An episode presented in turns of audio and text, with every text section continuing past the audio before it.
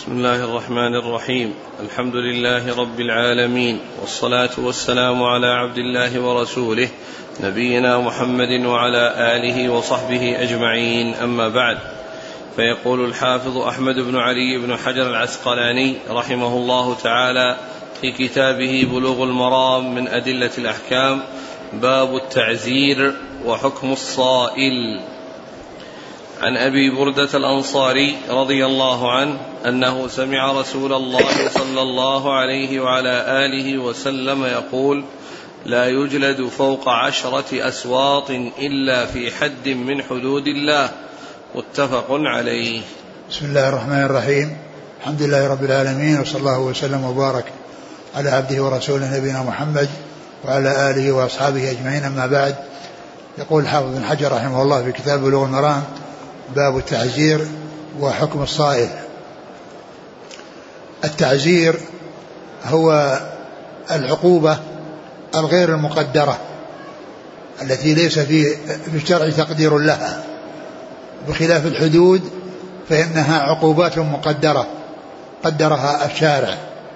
فإذا العقوبة تكون بالتحديد وبدون تحديد فما كان بالتحديد فهو الحدود التي جاء تقدير من الشارع فيها قطع اليد في السرقة ورجم المحصن بالزنا وكذلك بالنسبة للفيء بالبكر يوجد مئة ويغرب يعني عام وفي القذف يجلد يعني ثمانين أو ثمانين يعني جلدة وفي شرب الخمر يعني يجلد أربعين أو ثمانين.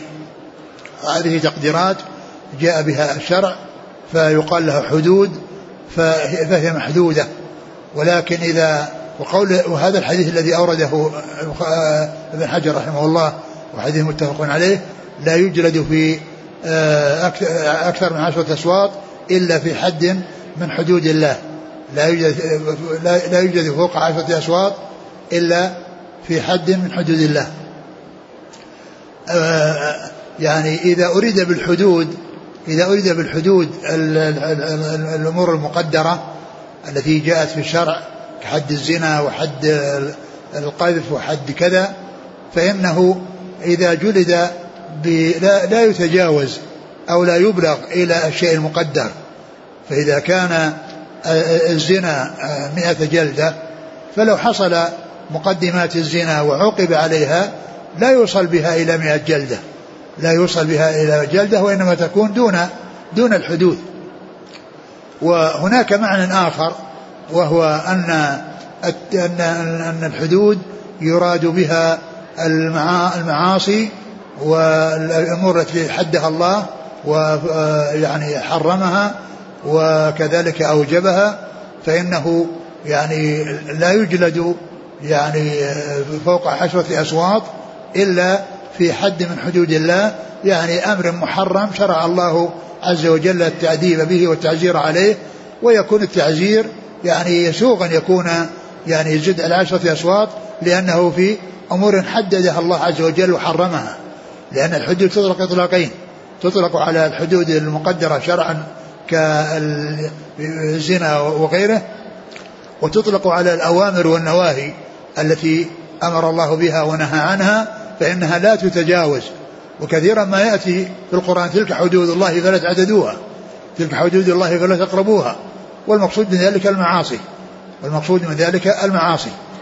فإذا إذا كان الأمر للتأديب أو كان فإنه لا يتعدى في عشرة أصوات. ولكن إذا كان في معاصي فإنها يتجاوز العشرة أصوات إلى أكثر من ذلك بل قد يصل إلى إلى القتل. يعني تعزيرا كما مر بنا فيما يتعلق بشارب الخمر في المرة الرابعة أو بعد المرة الرابعة. أنه أنه يقتل ويقتل تعزيرا وعلى هذا فإنه إذا كان المراد بالحدود الحدود المقدرة شرعا التي هي عليها عليها جلد أو أو غير ذلك فإنه لا يوصل بما دونها إليها. يعني بأن يكون إنسان قبل أو لمس أو يعني استعمل شيئا دون الزنا وعزر على ذلك لا يوصل به إلى الجلد إلى مئة جلدة لا توصل به إلى الحدود التي حدها الله عز وجل. يعني فلا يعني فوق عشرة أصوات يعني لا يوصل بها إلى هذا المقدار. وعلى وعلى أن المعنى المقصود المعاصي فإنه لا يجلد فوق عشرة أشواط إلا في حد من حدود الله فيتجاوز عشرة أشواط. وأما ما كان من التأديب تأديب الأولاد أو غير ذلك فإنه يعني لا يتجاوز فيه هذا يتجاوز فيه هذا المقدار الذي في عشرة أصوات لكن يجوز أن يتجاوز في المعاصي التي يعاقب عليها ولو زاد على عشرة أصوات ويكون المقصود بالحدود هو المعاصي التي حرمها الله أو الأوامر التي أوجبها الله يعني إذا لم يقم الإنسان يعني بها فإنه يعزر ولو تجاوز ذلك عشرة أشواط. نعم. عن عائشة رضي الله عنها أن النبي صلى الله عليه وعلى آله وسلم قال أقيلوا ذوي الهيئات عثراتهم إلا الحدود. رواه أبو داود والنسائي. ثم ذكر هذا الحديث وهو أقيلوا ذوي الهيئات عثراتهم إلا الحدود يعني الحدود لا لا يفرق فيها بين أحد وأحد ولا ولا يحصل إقالة ولا يحصل تنازل ولا يحصل مسامحة.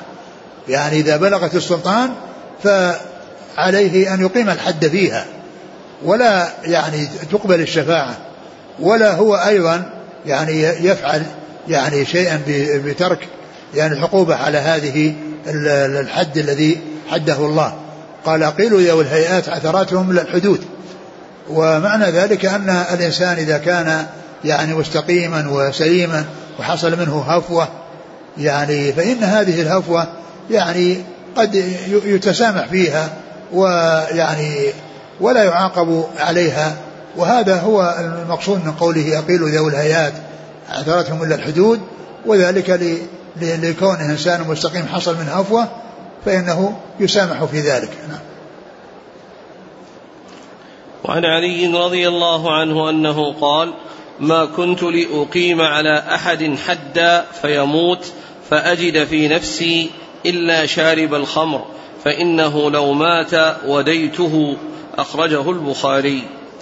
ثم ذكر هذا الحديث أو هذا الأثر الدال على أن أن الحدود إذا أقيمت وحصل سرايه يعني موت بسببها فإن ذلك يعني آه، لا يترتب عليه شيء لأنه قيم عليه الحد ومات بسبب الحد الذي أقيم عليه ف فإن يعني حصول ذلك وحصول الهلاك يعني بعد ذلك لا لا يقال إن هذا جناية وإنما هذه سراية. يعني حصلت مثل مثل مثل ما يحصل في يعني الأمور المباحة كالخاتم إذا ختن وكان يعني طبيبا ماهرا وحصل سراية فإنها لا يعني لا, لا تلزم أو لا يلزمه شيء.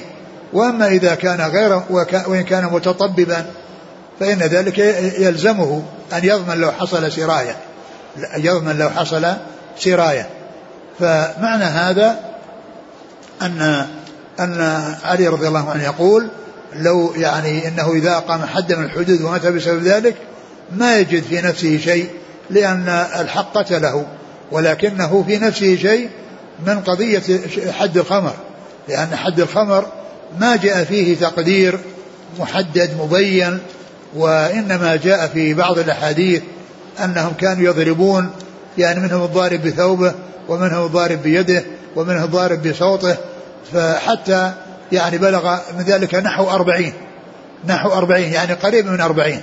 يعني فليس فيه يعني تحديد يعني معين وإنما يعني تقريبي لأن قوله نحو من أربعين يدل على على قرب ذلك. ثم أيضا يعني كونه يضرب بيده ويضرب بثوبه ويضرب بصوته ويضرب بكذا يعني معنى ذلك أن الأمر يعني في ذلك فيه فيه خفة. فلو أنه مات أحد بسبب ذلك يعني يجد في نفسه أن الأولى أن يديه أو الأولى أن يديه لأنه حصل يعني فيه تجاوز لشيء يعني من الأمر الواضح الجلي أن أن أنه أخف من غيره في الحدود يعني من ناحية أن هذا فيه ضرب بيد وبصوت وبثوب وغير ذلك فيعني يرى علي رضي الله عنه أنه لو حصل أنه آه، آه، حصل موت بسبب ذلك فإنه فإنه يديه لكن كما هو معلوم الأصل أنه إذا أتي بالشيء الواجب المشروع ومات بسببه سواء كان بهذه الطريقة التي تف التي هي الجلد في آه، شرب الخمر أو في غيره فإنه لا يلزم فيه كونه يودى. ولكن هذا باجتهاد من علي رضي الله عنه رأى أن الحدود يعني كانت واضحة في غير الجلد في في الخمر. فلذلك يعني وجد في نفسه أنه يديه لو مات. نعم. وعن سعيد بن زيد رضي الله عنه أنه قال قال رسول الله صلى الله عليه وآله وسلم من قتل دون ماله فهو شهيد. رواه الأربعة وصححه الترمذي. وهذا يتعلق بالصائل لأن ترجمة في التعزير والصائل.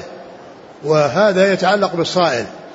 وقال من قتل دون ماله فهو شهيد. من قتل دون ماله فهو شهيد. وهذا عن الصحابي من هو؟ سعيد بن زيد. سعيد بن زيد. وقد سبق أن مر بنا حديث مماثل لهذا وهو عن عبد الله بن عمرو بن العاص وهو في البخاري ومسلم. من قتل دون ماله فهو شهيد. وهذا من قتل دون ماله فهو شهيد ولكن هذا ذاك أخرجه البخاري ومسلم وهذا ما أخرجه البخاري ومسلم ومعنى ذلك أنه إذا صال عليه إنسان يريد أن يأخذ, ماله فإنه يدفعه بالتي أحسن وإن لم يندفع إلا بكونه يقتله فإن قتله يعني لا لا يعني لا يغرم ولا يؤمن ولكن لو قتل هو دون ماله فإنه يكون شهيدا. يعني حكمه حكم الشهيد في الآخرة من ناحية الثواب وأنه يثاب ويعطى أجر الشهيد. ولكن يختلف الحكم في الدنيا فإنه لا يقال له شهيد. يعني تجري على أحكام الدنيا من أنه يغسل ويكفن ويصلى عليه. يعني فشهيد المعركة لا يغسل ولا ولا يكفن في ثياب وإنما يكفن في ثيابه. يعني ولا يصلى عليه. يعني آه، أما الشهيد الذي يكون بسبب بسبب من الأسباب والذي قيل عنه شهيد مثل من قتل دون ماله أو نفسه أو أهله أو يعني دينه فإنه يكون شهيدا يعني في ثواب الآخرة دون أحكام الدنيا. وقد ذكرت من قبل أن الإمام النووي رحمه الله ذكر في كتابه رياض الصالحين باب جمع فيه جملة من الأحاديث التي فيها ذكر الشهداء في ثواب الآخرة. فقال باب ذكر جماعة من الشهداء في ثواب الآخرة ويصلون ويغسلون ويصلى عليهم. يعني أنهم ليسوا مثل شهداء المعركة. نعم. وعن عبد الله بن خباب رضي الله عنه قال سمعت أبي يقول سمعت رسول الله صلى الله عليه وعلى آله وسلم يقول تكون فتن فكن فيها عبد الله المقتول ولا تكن القاتل. أخرجه ابن أبي خيثمة والدار قطني وأخرج أحمد نحوه عن خالد بن عرفطة رضي الله عنه. ثم ذكر هذا الحديث عن عن خباب بن الأرت رضي الله عنه أن النبي صلى الله عليه وسلم قال تكون فتن تكون فيها فتن القاتل فكن فيها عبد الله تكون تكون فتن فكن فيها عبد الله القاتل. المقتول. المقتول ولا تكن القاتل. فكن عبد الله المقتول ولا تكن القاتل. يعني معنى ذلك أن الإنسان لا يدخل في الشيء الذي فيه فتنة والذي يعني ليس أمره واضحا فإنه لا يدخل فيه. وكونه يكون مقتولا يعني خير من أن يكون قاتلا لأنه إذا كان مقتولا فهو مظلوم وإن كان قاتلا فقد يكون ظالما. وإن كان قاتلا فإنه قد يكون ظالما. وهذا يبين أن الأمور المشتبهة السلام فيها أسلم و يعني ما دام الأمر يعني خفي ولم يتضح الإنسان يعني الحق فيه فكونه يجتنب الدخول فيها فإنه يعني هذا أسلم له. قال رحمه الله تعالى كتاب الجهاد. عن أبي هريرة رضي الله عنه أنه قال قال رسول الله صلى الله عليه وعلى آله وسلم من مات ولم يغزو ولم يحدث نفسه به مات على شعبة من نفاق. ثم ذكر الجهاد والجهاد هو الجهاد في سبيل الله الذي هو من الذي هو من أفضل الأعمال وهو من أجل الأعمال الذي فيه آه، هداية الخلق وإخراجهم من الظلمات إلى النور ويعني إعانتهم على أن يعني يسلموا من الكفر الذي يؤدي بهم إلى النار والخلود فيها وأن يظفروا بالسلامة منه وأن يدخلوا في الإسلام الذي فيه سعادتهم في الدنيا وسعادتهم في الآخرة. والجهاد يكون للنفس وهذا من أهم الجهاد في هذا الزمان. من أعظم الجهاد في هذا الزمان جهاد النفوس وجهاد الشيطان. يعني كل إنسان يجاهد نفسه الأمارة بالسوء فلا يقدم على المحرمات ولا يقصر في الواجبات ولا يقصر في الواجبات وإنما يحرص على أداء ما هو واجب عليه والابتعاد عن كل ما هو محرم عليه. بل إنه يصبر على الواجبات ولو شقت على النفوس ويحذر المعاصي ولو مالت إليها النفوس. لأن لأن العاقبة يعني فيما إذا أقدم على ترك على ترك الواجبات وعلى فعل المعاصي العاقبة وخيمه العاقبة وخيمه ولكنه إذا قام بما يجب عليه وابتعد عما حرم عليه فإن العاقبة حسنة. ولهذا قال جاء عن رسول الله عليه الصلاة والسلام في الحديث الصحيح حفت الجنة بالمكاره وحفت النار بالشهوات. الطريق إلى الجنة يحتاج إلى تعب ونصب وصبر على الطاعات وصبر عن المعاصي صبر على الطاعات ولو شقت على النفوس وصبر على المعاصي ولو مالت إليها النفوس ولو مالت إليها النفوس. فإذا الجهاد من أهم ما يكون على الإنسان ولا سيما في هذا الزمان مجاهدة النفس الأمارة بالسوء التي يعني تؤدي به إلى الهاوية إذا استسلم وانقاد لها.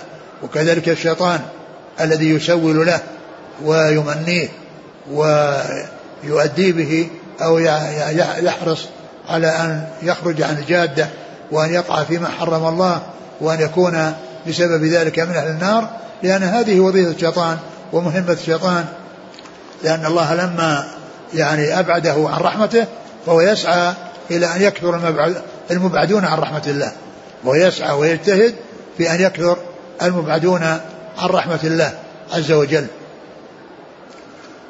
فإذا الجهاد يعني هو ما كان هو القتال لإعلاء كلمة الله. القتال في سبيل الله لإعلاء كلمة الله. كما سيأتي في حديث ابن موسى من قاتل لتكون كلمة, كلمة الله هي العليا وهو سبيل الله.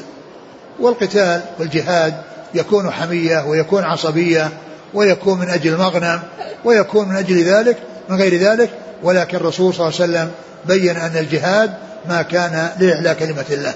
قال من قاتل لتكون كلمة الله هي العليا فهو, فهو, فهو في سبيل الله. والجهاد يعني يعني جهاد طلب وجهاد دفع. وجهاد الدفع هذا هو الذي يجب على كل أحد عينا. فإذا هجم العدو على أهل بلد فإنه يجب على الجميع المدافعة والمقاتلة ليسلموا من شر هذا العدو الذي دهمهم. مثل ما يقال في الصائل الذي سبق أن مر ذكره أنه يعني اذا إذا قاتل فإنه يقتل وإذا هجم على الإنسان فإنه لا يتركه يعني يقتله وإنما يحرص على دفعه. وإن إن قتل المعتدى عليه فهو شهيد وإن قتل ذاك فهو يعني قتل قتل قتل لظالم فإذا دهم العدو البلد فيجب على أهل البلد أن يدافع أن يقاتلوا وكذلك إذا استنفرهم الإمام وطلب منه النفير يعني عليهم أن يخرجوا. وكذلك أيضا إذا كان في الجيش وكان في الصف فإنه يجب عليه أن يقاتل. كل إنسان موجود في المعركة يجب عليه أن يقاتل ولا يجوز له الفرار. ولا يجوز له الفرار يعني من من الزحف. ف يعني وهناك فرض جهاد فرض كفاية وهي أن الإمام إذا اختار أعدادا من الناس ليقوموا بالجهاد فإنه يتعين على هؤلاء الذين اختارهم ويكون فرض كفاية لأن لأنه بفعل البعض سقط الإثم عن الباقين. فرض الكفاية هو الذي إذا قام به من يكفي سقط الإثم عن عن الباقين. وأما العين فإنه يجب على كل إنسان أن يقوم به إذا هوجم أو يعني استنفر أو كان موجودا في المعركة فإنه يجب عليه أن يقوم بالواجب عليه من قتال الأعداء والسعي لإخراجهم من الظلمات إلى النور. ثم ذكر هذا الحديث عن النبي عليه الصلاة والسلام أنه قال من من من مات؟ من مات ولم يغزو. من مات ولم يغزو ولم يحدث نفسه به مات على شعبة من النفاق. من مات ولم يغزو يعني ما وجد منه الغزو والجهاد في سبيل الله. ولم يحدث نفسه يعني فيه ويهيئ نفسه ويكون مستعد. إذا طلب منه ذلك من جهة الإمام فإنه يقوم به فإنه يموت على شعبة من النفاق. المنافقون هم الذين لا يريدون الجهاد ويحرصون على الدنيا ويحرصون على الحياة ولا يعني يحرصون على الجهاد لأن لأن عندهم الإيمان يعني في قلوبهم يعني يعني يبطنون الكفر ويظهرون الإيمان. فإذا من يكون يعني كذلك يعني يكون على شعبة أو على صفة من صفات المنافقين ومن أعمال المنافقين الذين لا يحرصون على الجهاد ولا يحدثون أنفسهم به. لكن الإنسان إذا إذا يعني وفقه الله لأن يغزو وكان ذلك في قتال الكفار وأنه طلب طلب منه الإمام ذلك وإذا حصل يعني منه يعني ذلك فإنه يكون يعني وجد منه غزو ومن لم يوجد يحدث نفسه ويروض نفسه ويعني يحرص على أن يكون من جملة المجاهدين إذا تيسر له المشاركة في الجهاد المشروع. نعم. وعن أنس رضي الله عنه أن النبي صلى الله عليه وعلى آله وسلم قال جاهدوا المشركين بأموالكم وأنفسكم وألسنتكم. رواه أحمد والنسائي وصححه الحاكم. ثم ذكر هذا الحديث جاهدوا المشركين بأموالكم وأنفسكم وألسنتكم. يعني الجهاد يكون بالمال وذلك بأن يبذل المال للمجاهدين ليشترى به السلاح وليقتاته المجاهدون ويتغذوا يتغذوا به. فالجهاد بالمال هذا جهاد مهم وهو وأكثر أو كل الآيات اللي جاءت في القرآن قدم فيها الجهاد بالمال على الجهاد بالنفس. كل الآيات إلا آية واحدة وهي الماء آية آية التوبة. لو أشرنا من أنفسهم وأموالهم بأن لهم الجنة. لما كان فيها شراء وبيع فإنه قدمت النفس. لكن لما كان مجرد جهاد فإن المال يستفيد منه المجاهدون أنفسهم ويستفيد منه المجاهدون أنفسهم بأن يعني يأكلوا ويقتاتوا ويستفيدون بأن يهيأ لهم مراكب يركبونها ويتهيأ وكذلك يشترى به السلاح الذي يقاتل به الأعداء فشأن الجهاد بالأموال عظيم. والجهاد بالنفس يعني لا شك أنه أنه عظيم ولكنه يعني ذاك أعم منه وأشمل منه وأكثر يعني فائدة لأن فيه آه، تموين المقاتلين والمجاهدين وفيه أيضا يعني تهيئة المركوبات لهم وفيه تهيئة السلاح وشراء السلاح وإعداد السلاح يعني لهم فلهذا جاء في القرآن الكثير في القرآن الكريم الآيات الكثيرة الدالة على تقديم المال على النفس وذلك لأهميته وعظيم فائدته. وكذلك الجهاد باللسان وذلك بالدعوة إلى الله عز وجل الدعوة إلى الله عز وجل. فيدعو ويبصر ويسعى لهداية الخلق وقد جاء في ذلك الأجر العظيم. قال عليه الصلاة والسلام من دل على خير فله مثل أجر فاعله ومن دعا إلى هدى كان له أجر مثل أجور من تبعه لا ينقص ذلك من أجورهم شيئا ومن دعا إلى ضلالة كان عليه من الإثم مثل آثام من تبعه لا ينقص ذلك من آثام شيئا. إذا الجهاد يكون بالأموال ويكون بالأنفس ويكون بالكلام. وباللسان يعني في الدعوة والتوجيه إلى الخير. نعم. وعن عائشة رضي الله عنها. والدعوة باللسان الدعوة باللسان هذه أيضا عامة لأنها تكون للمسلمين وللكفار الجهاد باللسان يعني كل إنسان يجاهد بلسانه يعني يفيد المسلمين ويفيد الكفار. وعن عائشة رضي الله عنها أنها قالت قلت يا رسول الله على النساء جهاد؟ قال نعم جهاد لا قتال فيه الحج والعمرة. رواه ابن ماجه وأصله في البخاري. ثم ذكر هذا الحديث المتعلق بالنساء وأن النساء لسن من أهل الجهاد وذلك لضعفهن وعدم صبرهن وعدم تحملهن بخلاف الرجال الذين عندهم القوة وعندهم النشاط. والذين هم مؤهلون يعني للجهاد وللأسفار وتحمل تحمل المشاق بخلاف النساء فإنهن لسن كذلك. ولهذا وهذا يدل على حرص الصحابيات رضي الله تعالى عنهن منهن أمهات المؤمنين حيث سألت عائشة رسول الله عليه السلام قالت على النساء جهاد؟ قال نعم جهاد لا قتال فيها الحج والعمرة. يعني هذا هو جهاد النساء. يعني كونها تخرج للحج وللعمرة فإن هذا هو جهاد النساء والنساء لا يخرجن للجهاد ولسنا من أهل الجهاد ولسنا من أهل الجهاد وإذا خرجنا مع أزواجهن فإنهن يقمن بالأشياء التي هي غير القتال يعني وغير الدخول في المعركة وإنما يعني يسقين ويداوين وغير ذلك من الأشياء التي جاءت في السنة عن رسول الله عليه الصلاة والسلام. نعم. وعن عبد الله بن عمرو رضي الله عنهما قال جاء رجل إلى النبي صلى الله عليه وآله وسلم يستأذنه في الجهاد. قال أحي والداك أحي والداك. فقال نعم. قال ففيهما فجاهد. متفق عليه. ولأحمد وأبي داود من حديث أبي سعيد نحوه. وزاد ارجع فاستأذنهما. فإن أذن لك وإلا فبرهما. ثم ذكر هذا الحديث المتعلق المتعلق بأن الجهاد الذي هو جهاد فرض الكفاية يكون برضا الوالدين وأن الوالدان الوالدين يرجع إليهما في ذلك ولا يسافر الإنسان للجهاد إلا بإذن والديه إلا إذا طلبه إذا طلبه الإمام وعينه الإمام فإن من عينه الإمام فإنه يخرج الجهاد. من اختاره الإمام للجهاد فإنه يعني عليه أن يخرج.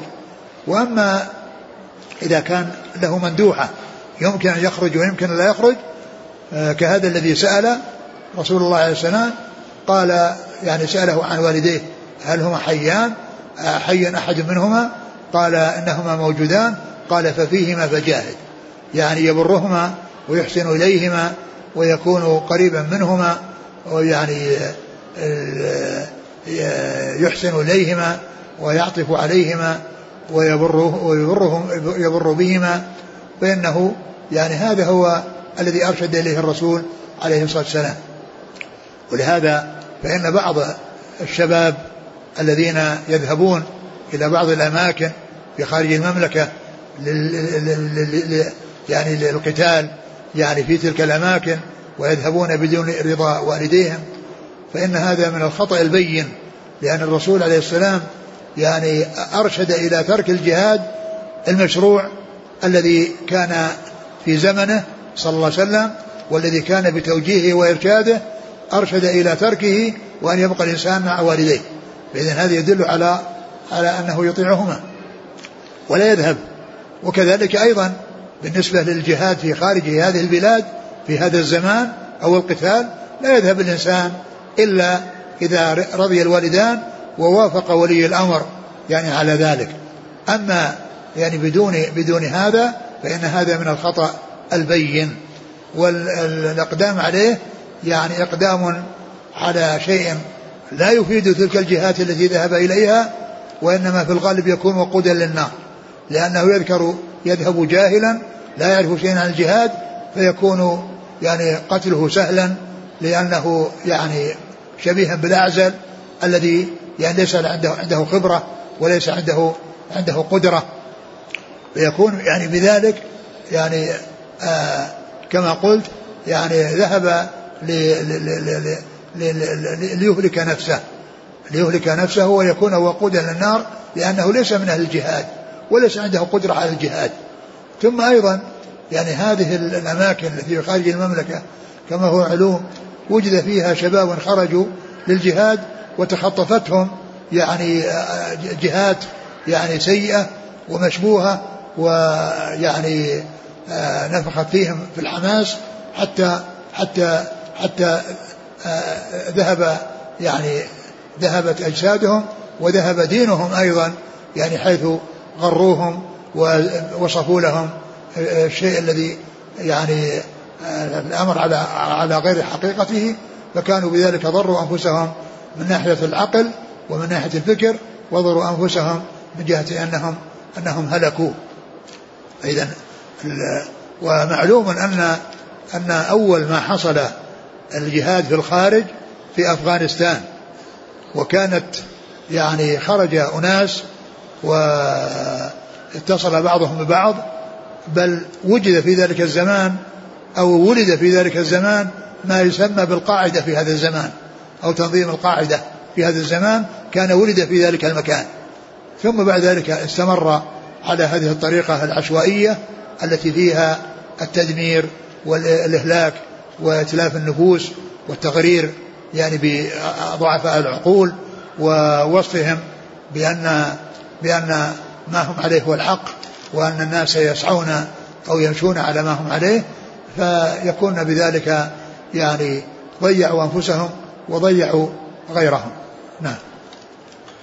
وعن جرير البجلي رضي الله عنه أنه قال قال رسول الله صلى الله عليه وعلى آله وسلم أنا بريء من كل مسلم يقيم بين المشركين. رواه الثلاثة وإسناده صحيح ورجح البخاري إرساله. نعم. وعن ابن عباس رضي الله عنهما قال قال رسول الله صلى الله عليه وسلم لا هجرة بعد الفتح. ولا أحد الحديث الأول؟ عن جرير البجلي رضي الله عنه قال قال رسول الله صلى الله عليه وسلم أنا بريء من كل مسلم يقيم بين المشركين. يعني هذا الحديث عن جرير بن عبد الله البجلي يقول في الرسول صلى الله عليه وسلم أنا بريء من مسلم يقيم بين المشركين. يعني معناها أن أن مسلم يفر من الكفار ولا يخالطهم ولا يبقى معهم وإذا احتاج إلى أن يذهب لبلادهم لعلاج أو تجارة مؤقتة وما إلى ذلك فإن هذا سائق. وأما كونه يقيم بين أظهرهم ويستمرئ ما هم عليه من الباطل ويستهون يعني أمرهم ويعني لا يفرق يعني بين مخالطتهم ومخالطة المسلمين وأنه لا يميز بين هذه وهذه فإن هذا هو الذي أرشد أو بين الرسول صلى الله عليه وسلم أنه بريء منه. يعني بريء من فعله وهذا يعني أن الإنسان يهاجر عن تلك البلاد الكافرة. ولا يقيم فيها إلا إذا كان مضطرا إلى ذلك.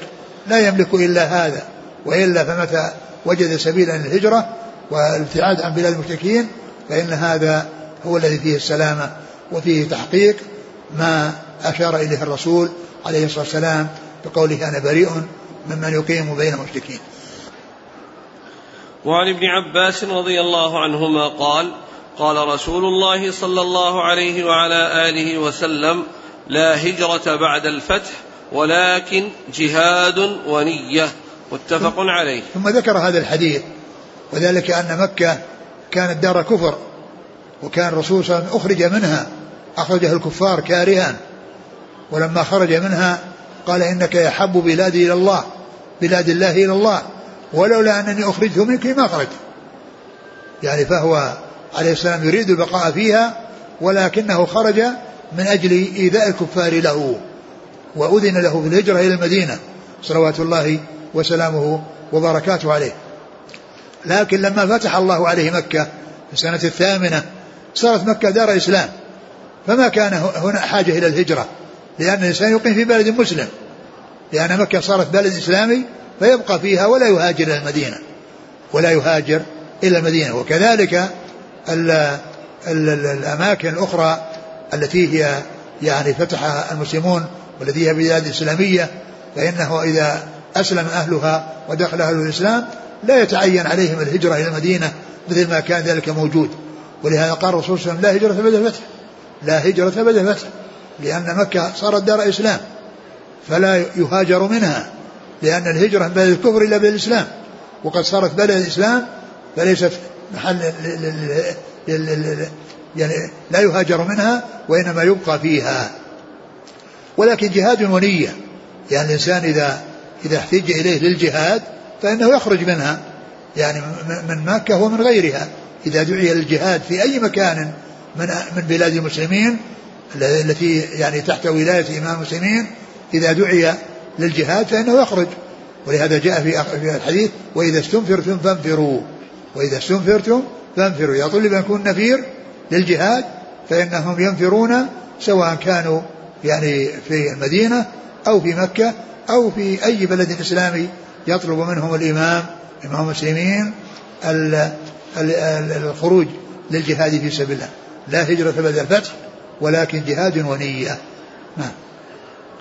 وعن أبي موسى الأشعري رضي الله عنه أنه قال قال رسول الله صلى الله عليه وعلى آله وسلم من قاتل لتكون كلمة الله هي العليا فهو في سبيل الله متفق عليه. ثم ذكر هذا الحديث عن أبي موسى الذي يبين حقيقة الجهاد في سبيل الله وأن هذا هو المقصود بالجهاد في سبيل الله.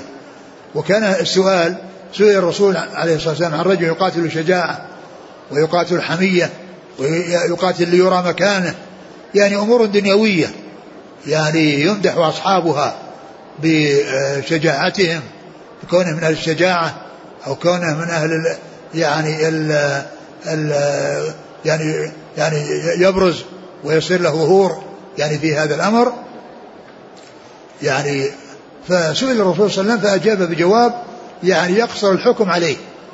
فقال من قاتل لتكون كلمة الله العليا فهو في سبيل الله هذا هو في سبيل الله من قاتل لتكون كلمة الله هي العليا فهو في سبيل الله يعني من قاتل للشجاعة أو ليحمد أو ليرى مكانه أو حمية أو عصبية فهذا ليس هو الجهاد في سبيل الله. وإنما الجهاد في سبيل الله القتال لتكون كلمة الله هي العليا. نعم. وعن عبد الله بن السعدي رضي الله عنه أنه قال قال رسول الله صلى الله عليه وآله وسلم لا تنقطع الهجرة ما قوتل العدو. رواه النسائي وصححه ابن حبان. ثم ذكر هذا الحديث لا تنقطع الهجرة ما قتل العدو. يعني أن أن الهجرة مستمرة. ما دام فيه أعداء وفي بلاد كفر وبلاد إسلام فإن الهجرة لا تنقطع. يعني ما قتل العدو ما يعني ما دام فيه جهاد في سبيل الله وما دام فيه مقاتلة للكفار فإن الهجرة لا تنقطع. بل تكون من بلد الكفر إلى بلاد الإسلام في أي وقت. في أي وقت وفي أي حين وليس ذلك مقصورا. على الزمن الأول الذي كان فيه الهجرة إلى المدينة من أجل البقاء مع الرسول صلى الله عليه وسلم والجهاد معه فإن الهجرة مستمرة وباقية يعني ولا تنقطع ما دام أن فيه كفر وإسلام وعدو يعني وعدو أعداهم الكفار ومسلمون الذين هم يعني يقاتلون لتكون كلمة الله هي العليا. نعم. وعن نافع قال أغار رسول الله صلى الله عليه وعلى آله وسلم على بني المصطلق وهم غارون فقتل مقاتلتهم وسبى ذراريهم. حدثني بذلك عبد الله بن عمر رضي الله عنهما متفق عليه. ثم ذكر هذا الحديث أن النبي صلى الله عليه وسلم غار على بني المصطلق وهم غارون يعني في غفلة. ومعلوم أن أن أن أن من لم تبلغهم الدعوة فإنهم يعني يبلغون ويعني ولا يقاتلون إلا إذا بلغتهم. لكن إذا كانت بلغتهم من قبل فلا يلزم أنهم يبلغون في نفس الوقت الذي اتجهوا إليهم بل يكفي كونها بلغتهم من قبل. كونها بلغتهم من قبل يكفي ذلك. وهذا هو الذي حصل لابن المصطلق فإن الدعوة إليهم ووصول الدعوة إليهم كانت موجودة من قبل ولهذا الرسول صلى الله عليه وسلم أغار عليهم وهم غارون يعني غافلون فقتل المقاتلة وسبى الذرية.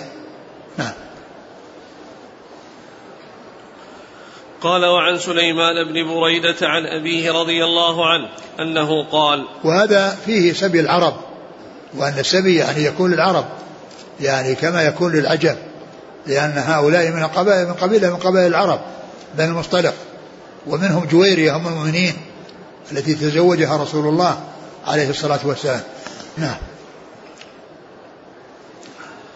وعن سليمان بن بريدة عن أبيه رضي الله عنه قال كان رسول الله صلى الله عليه وعلى آله وسلم إذا أمر أميرا على جيش أو سرية أوصاه بتقوى الله وبمن معه من المسلمين خيرا. ثم قال اغزوا بسم الله في سبيل الله قاتلوا من كفر بالله اغزوا ولا تغلوا ولا تغدروا ولا تمثلوا ولا تقتلوا وليدا. وإذا لقيت عدوك من المشركين فادعهم إلى ثلاث خصال فأيتهن أجابوك إليها فاقبل منهم وكف عنهم. ادعهم إلى الإسلام فإن أجابوك فاقبل منهم. ثم ادعهم إلى التحول من دارهم إلى دار المهاجرين فإن أبوا فأخبرهم أنهم يكونون كأعراب المسلمين. ولا يكون لهم في الغنيمة والفيء شيء إلا أن يجاهدوا مع المسلمين. انهم أبوا فاسألهم الجزية فإنهم أجابوك فاقبل منهم فإنهم أبوا فاستعن بالله وقاتلهم وإذا حاصرت أهل حصن فأرادوك أن تجعل لهم ذمة الله وذمة نبيه فلا تفعل ولكن اجعل لهم ذمتك فإنكم أن تغفروا ذممكم أهون من أن تغفروا ذمة الله وإذا أرادوك أن تنزلهم على حكم الله فلا تفعل بل على حكمك. فإنك لا تدري تصيب فيهم حكم الله أم لا. أخرجه مسلم. ثم ذكر هذا الحديث الطويل عن بريدة بن الحصيب رضي الله عنه في وصية الرسول عليه الصلاة والسلام للمجاهدين الذين خرجوا للجهاد في سبيل الله. وهذا الحديث حديث طويل يعني شرحه ابن القيم في كتابه أحكام أهل الذمة. في كتابه أحكام أهل الذمة شرح هذا الحديث الطويل وبين يعني ما اشتمل عليه من الفقه وما اشتمل عليه من المسائل. فكان يعني يقول آه، بريدة كان النبي صلى الله عليه وسلم إذا أمر كان نعم. كان نعم. إذا أمر أمير. يعني أن هذا من من هديه ومن شأنه ومن طريقته ومنهجه عليه الصلاة والسلام أنه إذا أمر أمير يوصيه يوصيه بوصية يعني تتعلق به وبغيره عموما وتتعلق بالجيش وبالناس الذين يذهب إليهم الجيش. إذا قوله كان إذا أمر أميرا هذا يدل على الاستمرار وكان تفيد الاستمرار. يعني وقد تأتي لغير الاستمرار كما سبق أن مر بنا أنها تأتي لغير استمرار وذلك في قول عائشة رضي الله عنها كنت أطيب رسول الله صلى الله عليه وسلم لإحرامه. قبل أن يحرم ولحله قبل أن يطوف البيت. وهي ما حصل منها ذلك إلا مرة واحدة. والرسول صلى الله عليه وسلم ما حج إلا مرة واحدة وهي حجة الوداع. وقالت كنت أطيبه لحله قبل أن يطوف البيت. فإذا يعني معناه أن كان ليس دائما وأبدا تأتي للاستمرار وإنما تأتي قد تأتي للوحدة وللإفراد وللشيء الواحد. كان إذا أمر أميرا يعني على جيش قال أوصاه بتقوى الله وبمن معه من المسلمين خيرا. هذه وصية جامعة. كلمتان عظيمتان فيها الوصية بتقوى الله ومعلوم أن تقوى الله هي أن يجعل الإنسان بينه وبين غضب الله وقاية تقيه منه وذلك بأن يفعل المأمورات ويترك المنهيات. هذه تقوى الله عز وجل. التقوى أن يجعل الإنسان بينه وبين غضب الله وقاية تقيه منه وذلك بفعل الطاعات وترك المعاصي. هذه تقوى الله عز وجل. فهذه وصية أوصاها أوصى بها يعني قائد الجيش والمسؤول عن الجيش. إذا أمر أميرا على جيش أوصاه بتقوى الله. وبمن معه من المسلمين خيرا. وأوصاه بالإحسان إلى من أمر عليهم وهم الجيش وذلك بأن يرفق بهم. ويحسن إليهم ويعاملهم معاملة طيبة ولا يحملهم ما لا يطيقون ولا يكلفهم ما يشق عليهم وإنما يحسن إليهم. قال وبمن معه من المسلمين خيرا. يعني أوصاه بالمجاهدين الذين تحت إمرته وتحت ولايته بأن يكون يعني محسنا إليهم وأن يحصل منهم له منهم له منه يحصل لهم منه الخير قال وبمن معه من المسلمين خيرا. ثم قال اغزوا اغزوا بسم الله. يعني أنهم يعني يكون فعلهم مبني على التوكل على الله وعلى الاستعانة بالله. فهم يعني يغزون مستعينين بالله متوكلين عليه سبحانه وتعالى. اغزوا بسم الله في سبيل الله. وفي سبيل الله كما عرفنا الرسول بين ما ما, ما, ما هو الذي في سبيل الله؟ قال ما من قاتل لتكون كلمة الله من قاتل لتكون كلمة الله العليا فهو في سبيل الله. هذا هو سبيل الله.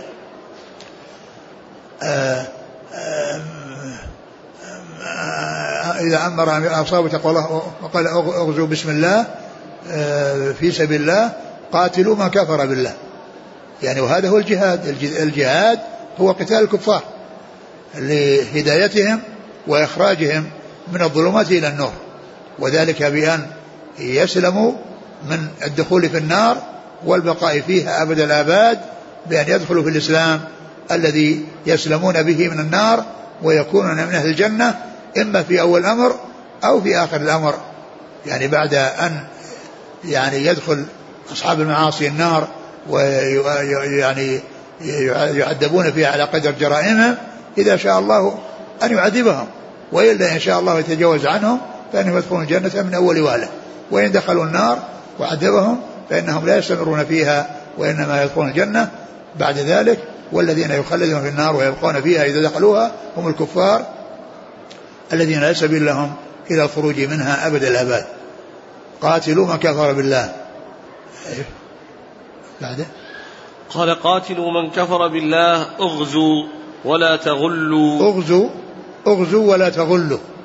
يعني لا يحصل منكم الغلول وهو الأخذ من الغنيمة قبل القسمة لأن الغنائم لا يعني تحل إلا بعد أن تقسم وإلا فإنها قبل القسمة حرام ولا يجوز لأحد أن يغل. والغلول يعني من كبائر الذنوب وقوله لا تغلوا يعني لا تأخذوا من الغنائم قبل أن تقسم. فإذا قسمت وأخذ وصل إلى كل نصيبه يتصرف في نصيبه كيف يشاء. لكن كونه يأخذ من الغنائم قبل أن تقسم هذه هذه من الأمور الخطيرة ومن الأمور السيئة. نعم. ولا تغدروا. ولا تغدروا يعني لا توفوا بالعهود. يعني إذا عاهدتم فلا تغدروا. يعني بالعهد بل أوفوا بالعهود التي عاهدتم عليها. نعم. ولا تمثلوا. ولا تمثلوا.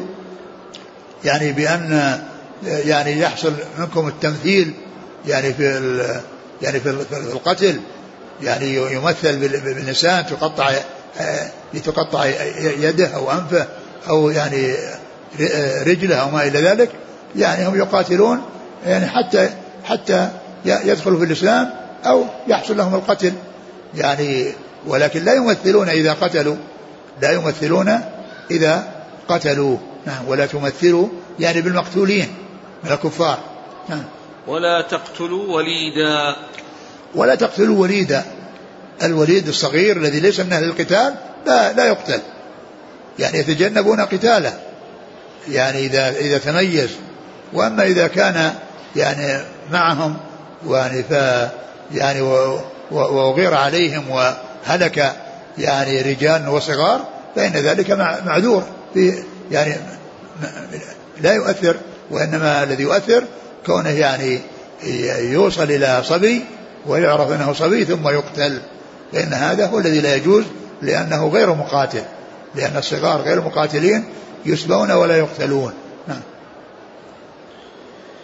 ولا وإذا, وإذا لقيت عدوك من المشركين فادعهم إلى ثلاث خصال فأيتهن أجابوك إليها فاقبل منهم وكف عنهم. ادعهم إلى الإسلام.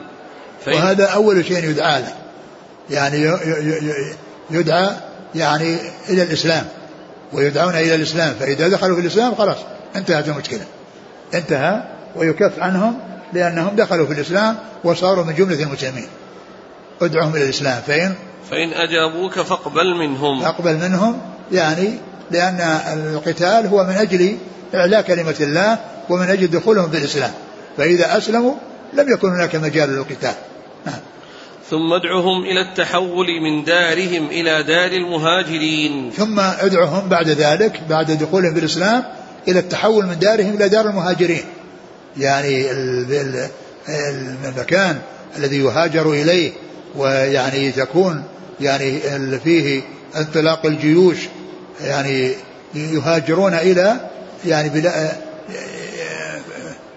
ادعوهم إلى ثم ادعوهم إلى التحول من دارهم إلى دار المهاجرين. التحول من دارهم إلى دار المهاجرين.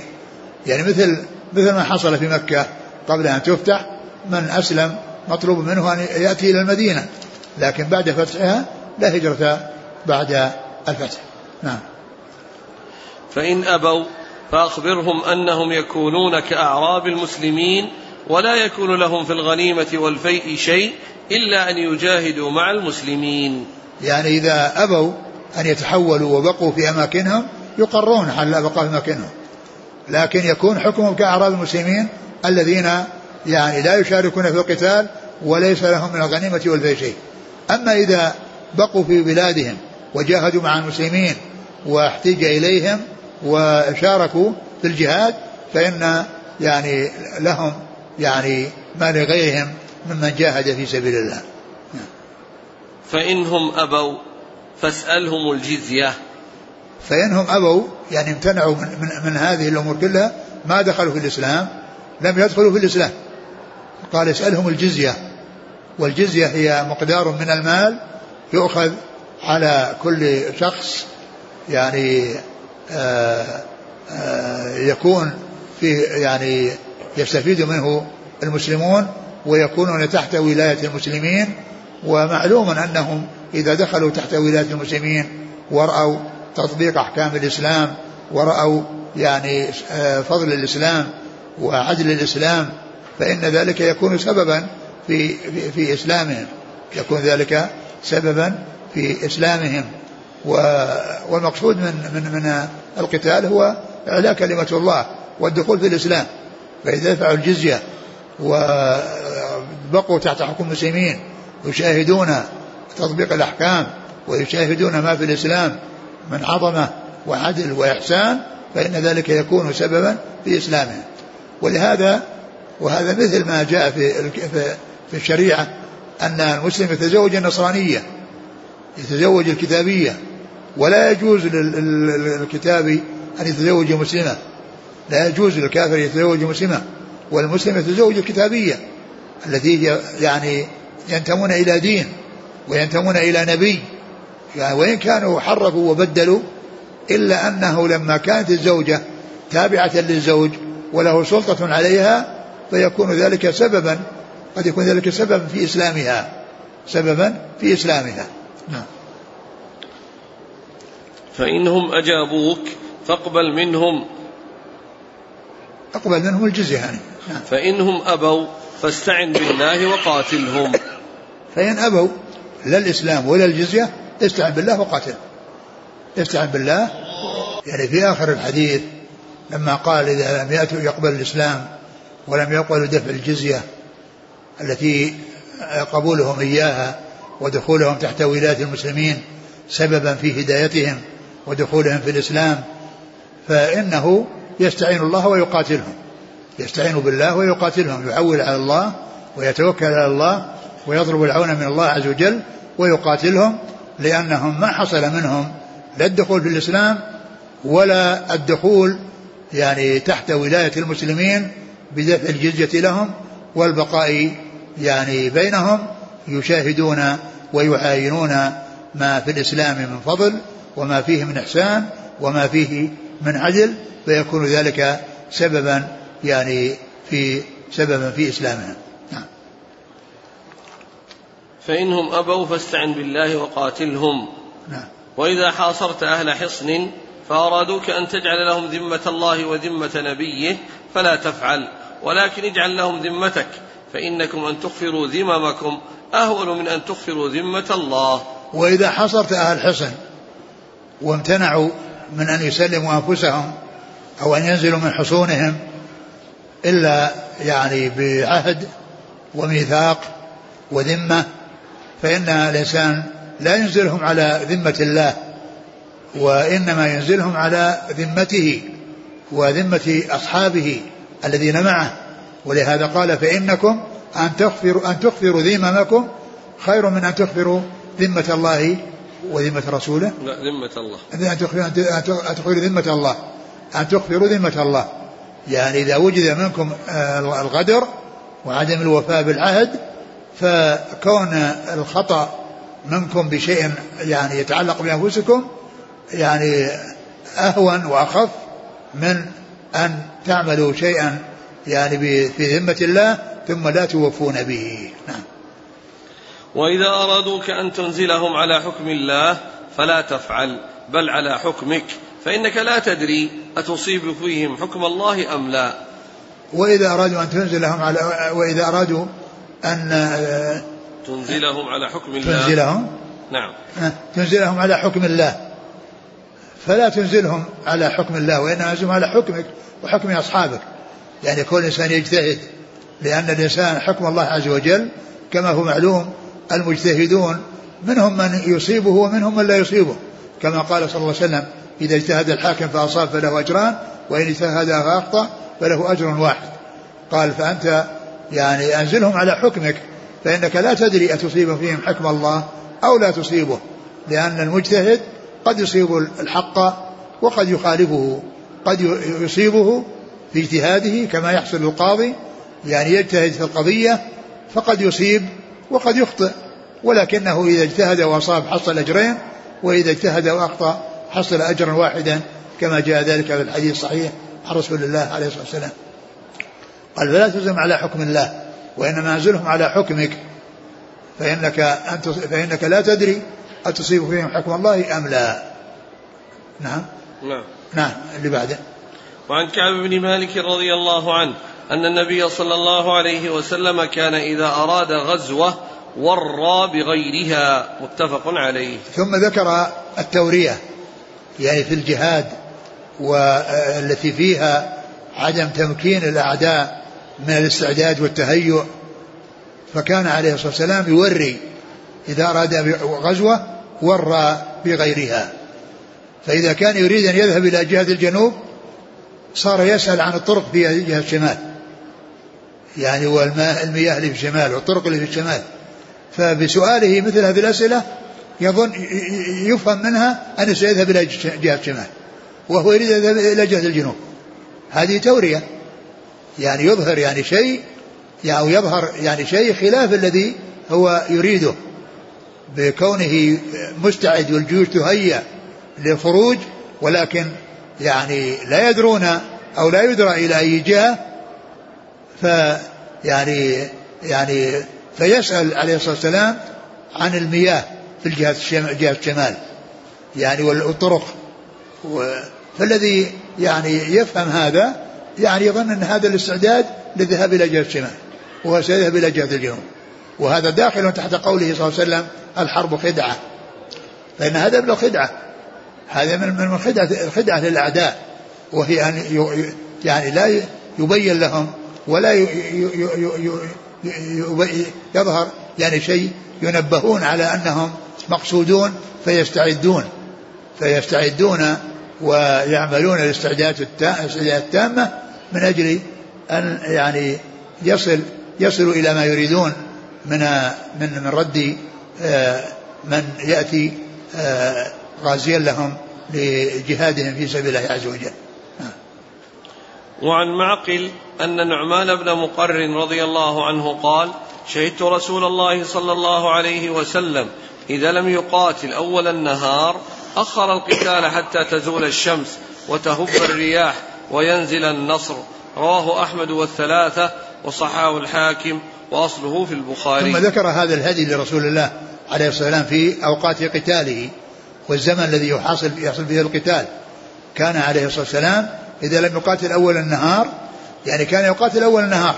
وذلك أن أول النهار فيه البراد وفيه يعني الراحة بالنوم يعني وأخذ الجسم نصيبه من النوم والارتياح.